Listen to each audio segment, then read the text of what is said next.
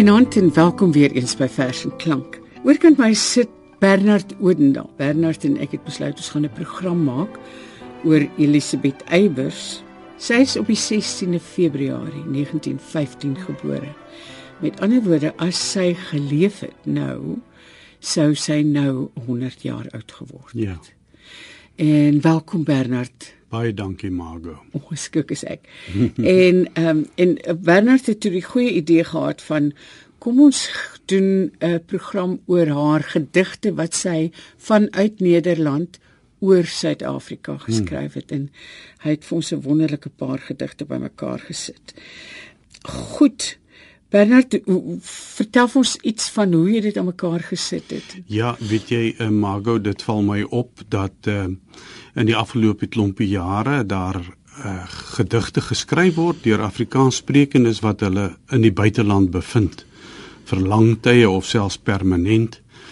En uh, maar 'n mens moenie vergeet nie daar's 'n hele lang tradisie van in in die Afrikaanse poësie van mense wat oor Suid-Afrika skryf vanuit die buiteland waar hulle op lang tye uh, hulle bevind het en dan vind jy heel dikwels dat daar daar sekere temas opduik dat hulle byvoorbeeld skryf oor die omgewing waar hulle vandaan kom. Mm. Die Suid-Afrikaanse omgewing is 'n uh, belangrike tema. Die mense wat hulle hier agtergelaat het, uh oor hulle skryf hulle. En dan daar waar hulle hulle dan nou bevind in die buiteland, die gevoelens van vreemdheid en van ontheemdheid in daardie nuwe omgewing. En dan uh noodwendig volg daar uit 'n besinning oor hulle eie identiteit, nadenke daaroor. En uh Elizabeth Eybers is waarskynlik die bekendste voorbeeld in Afrikaans. Soos jy weet het sy in 1961 toe sy al 46 jaar oud was, uh verhuis vanuit Suid-Afrika na Amsterdam in Nederland. En dit was na afloop van 'n pynlike huweliksverbrokkeling sy was mos getroud met die uh, motorvervaardigingsmagnaat Albert Wessels. En uh daar het sy behalwe die pyn van die huweliksverbrokkeling ook die ervaring van die verbrokkeling van haar gesins en haar familielewe uh het sy onder woorde gebring. En ek het gedink ons kies 'n paar gedigte waarin sy oor hierdie dinge skryf. Waarmee gaan ons begin? Met 'n gedig wat geskryf is kort na haar aankoms daar. Uh die gedig het verskyn in die bundel uh, balans wat uh, net die jaar daarna 1962 verskyn het. En sy vertolk daar in die gevoel van leegheid en verlatenheid. Niks as my hande en voete het ek hier. Die res het met die oortog soek geraak. Die katswink hart die prikkelbare klier wat moet mens bovendien met hulle maak?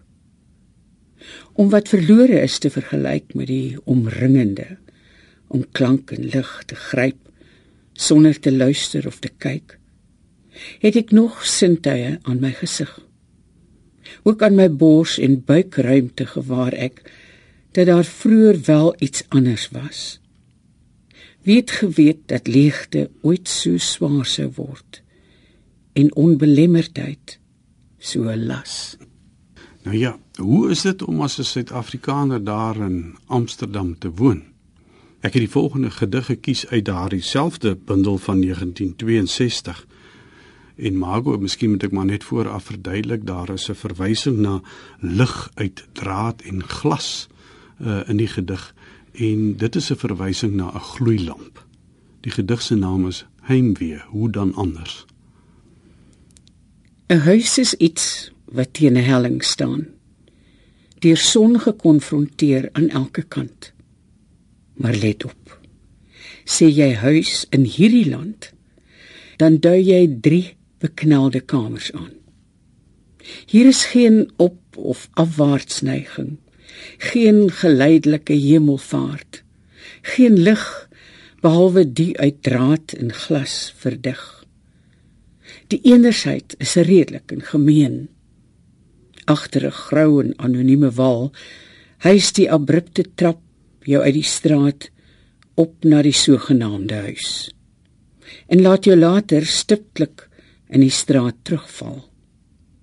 Nooit wesenlik, alleen kineties, Mag jou hartritmiek, jou ribbe hok wat hyg, die dodelike waterpas ontstyg terwyl jy knutsel aan 'n nuwe dag.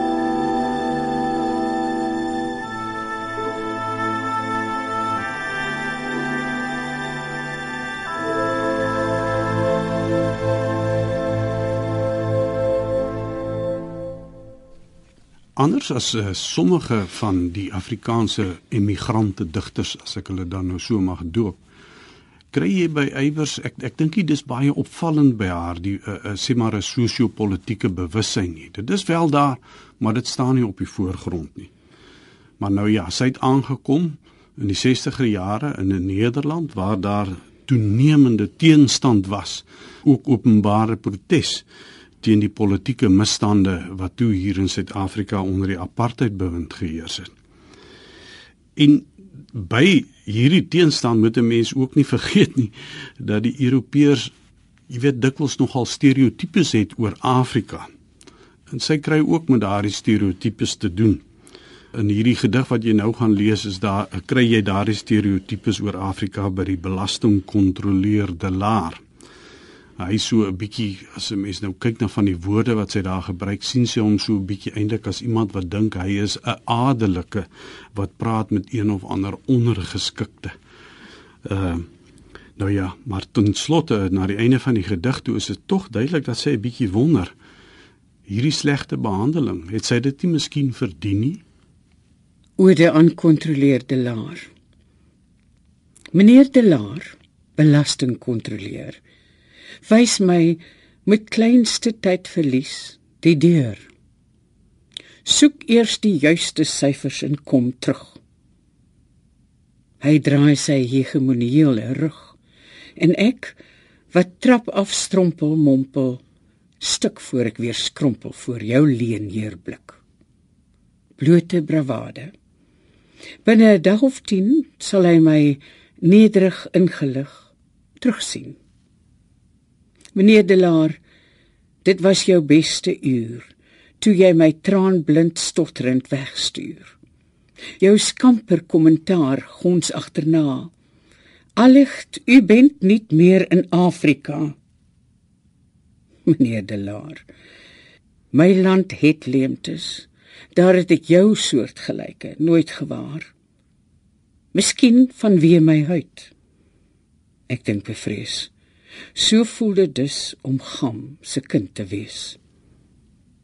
Meneer Delaar, ek wil geen skuld ontduik en gee jou met jou wantroue gelyk betreffende transaksies waarvan ek geen syfers vir jou skema kan verstrek. Jy kan dit ook nie help dat jy hier sit en nou en dan nog mymer oor geluk en jou vergoeding uit my gasie vra. As ek kan eet en klere het om te dra, my bloed loop nog stroom op in jou klimaat. Eens in die maand 'n boek koop of 'n plaat, mag jy jou ryklik van die res bedien. En hoe ons uitkom, moet elkeen maar sien. Die keurigste vereffening kos pyn. Meneer Delaar. Of vind u dit wel fyn? Margot in die tyd dat uh, haar bundel bestand verskyn, dit was in 1982, is sy toe nou al 21 jaar lank 'n Nederlander. En tog steeds nie 'n Nederlander nie. Nie net die son van Suid-Afrika nie, soos ons nou al voorheen gehoor het, maar ook die mense wat sy agtergelaat het, bly steeds by haar spook. Lees vir ons daardie gedig terug uit daardie bundel. Trans-ekwatoriale swaartekrag het my hierheen gebagger. Elke nag tregter my terug na my geboorteland en einder dobberend tussen son en sand. Wie ek daar aantref, keer weer van verder weg. Vader en moeder, ons geskil besleg. Klein sus, heelhuids ontskadu. Nog my maat by spel. Fantastery en kattekwaad. Soms kom die mede oorwinterde by hy wat ek uit my kinderkluis bevry te blindelings aangekleef het om daarna die werklikheid omtrent hom te verdra verdoof deur duif en merel luister ek na gedempte reënvoël of skel hadida vreemd toe ek steeds die hede en hier verraai sodra kans kry goue kaapse draai beskryf onmiddellik 'n landskap vind waaraan die donkerste gebrek my bind. Hoe agteloos ek draal in die gebied. Helder oordag selfs een voet in die niet. Ja, een voet in die niet. Ja. Terug in Suid-Afrika, maar eintlik is dit nou vir haar 'n niet, 'n niet, ja. nê. Nee, ja. Geword. Nêrens. Ja. Nee, sy vir in die gedig wat jy so pas gelees het, verwys sy ook na haar uh, man, haar gewese man en uh, hoe sy amper uit die uit die kind as kind uh, in die huwelik met hom getree het want sy was maar skaars mondig toe sy met Albert Wessels getroud was.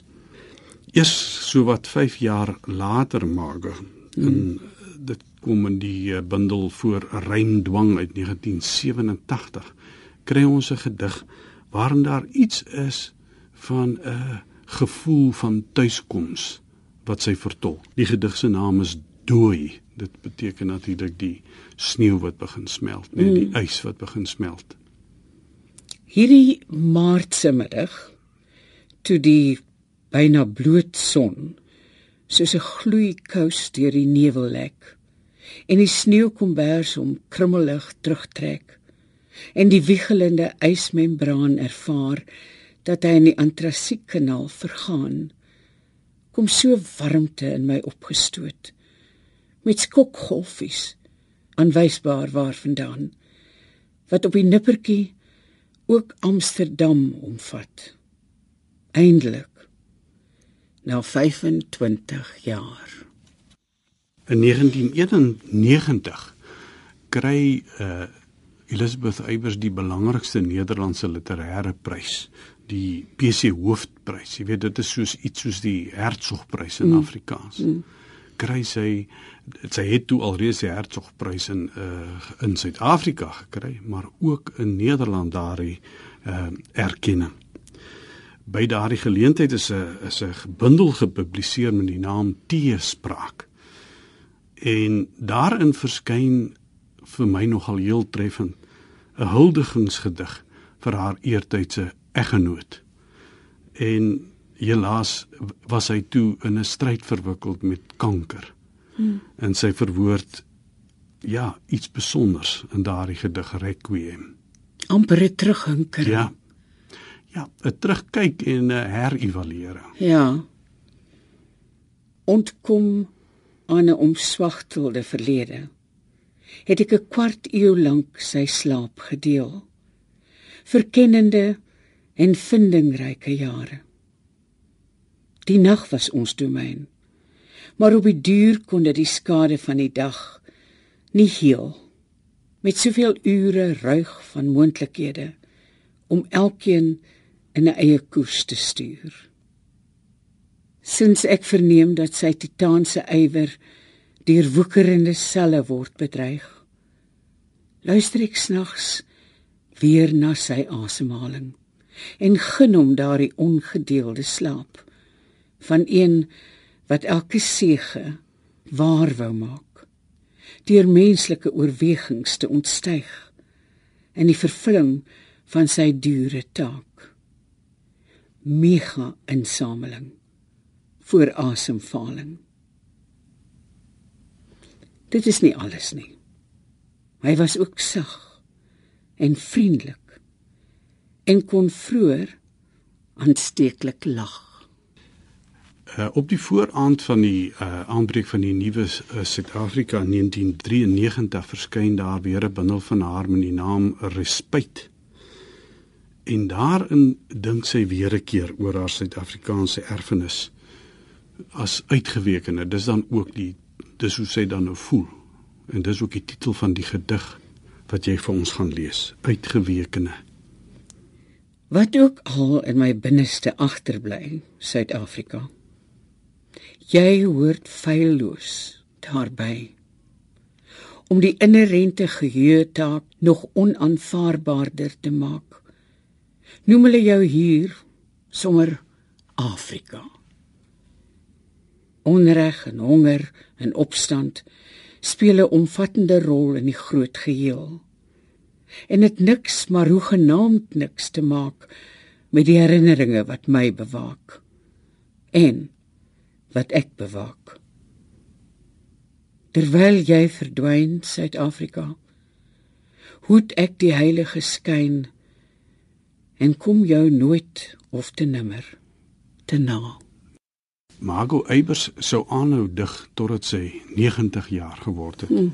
Nou ek was so bevoorreg om in 2005, 2005 in Amsterdam te wees toe haar laaste bundel bekend gestel is met die titel Valreep. En in daardie bundel verskyn die gedig Handelwyse. Dis 'n gedig wat my besonder fascineer want jy moet jy moet amper 'n Suid-Afrikaner wees om dit te kan verstaan. Jy moet die Suid-Afrikaanse natuur en kultuur ken om die beeld wat daarin gebruik word, naamlik van die blou bokkie, te hmm. snap. Dan kyk jy mens byvoorbeeld in die in die in die HAT, die Handboek van die Afrikaanse Taal, dan sien jy twee inskrywings daar na mekaar. Die een gaan oor die blou bok 'n uitgestorwe dier wat ongeveer in 1800 sê hulle uitgesterf het. En hy is 'n uh, groter bok, hy's verwant aan die Bastergemsbok en die swart-witpens. En hy het juis daar in die Nysna gebiede van Suid-Afrika het hy voorgekom. En net daarna staan die inskrywing oor die blou bokkie, oftewel die baie skugter blou duiker. Die kleinste Suid-Afrikaanse wildsbok. Baie ander mooi naam vir hom is noemetjie. Maar in Daleen Matteus se kringe in die bos as jy goed onthou, is daar die mite dat die uh blou bokkie se gal in sy kop sit en die die uh hooffiguur in die boek Saul Barnard gaan dan op 'n staan en 'n kap uit die kop van so 'n blou bokkie oop om te kyk of dit so is en dan is dit nie so nie. En dis dan wat hom aan die gang sit om te soek na die waarheid. Nou al hierdie gegewe wat ek nou genoem het, span Eybers baie slim in maar ek dink meer spesifiek om iets te sê oor die digterlike strewe. Die gedig se naam net weer Handelbuise. Al die blou bokkies wag in die woordeboek. Ewe eens in jou kop. Dis 'n kwessie van soek en meet en weier en weeg en wik. Geen duidelike leidraad staan afgedruk. Elke pasklare stelling is opgedoek. Iets ongrypbaar en onverbiddelik wat nouliks bestaan, sit jy agterna. Hoewel buite bereik van berekening of hoop. Al is daar geen afnemer wat daarna vra, loop jy straks pronkerig daarmee te koop.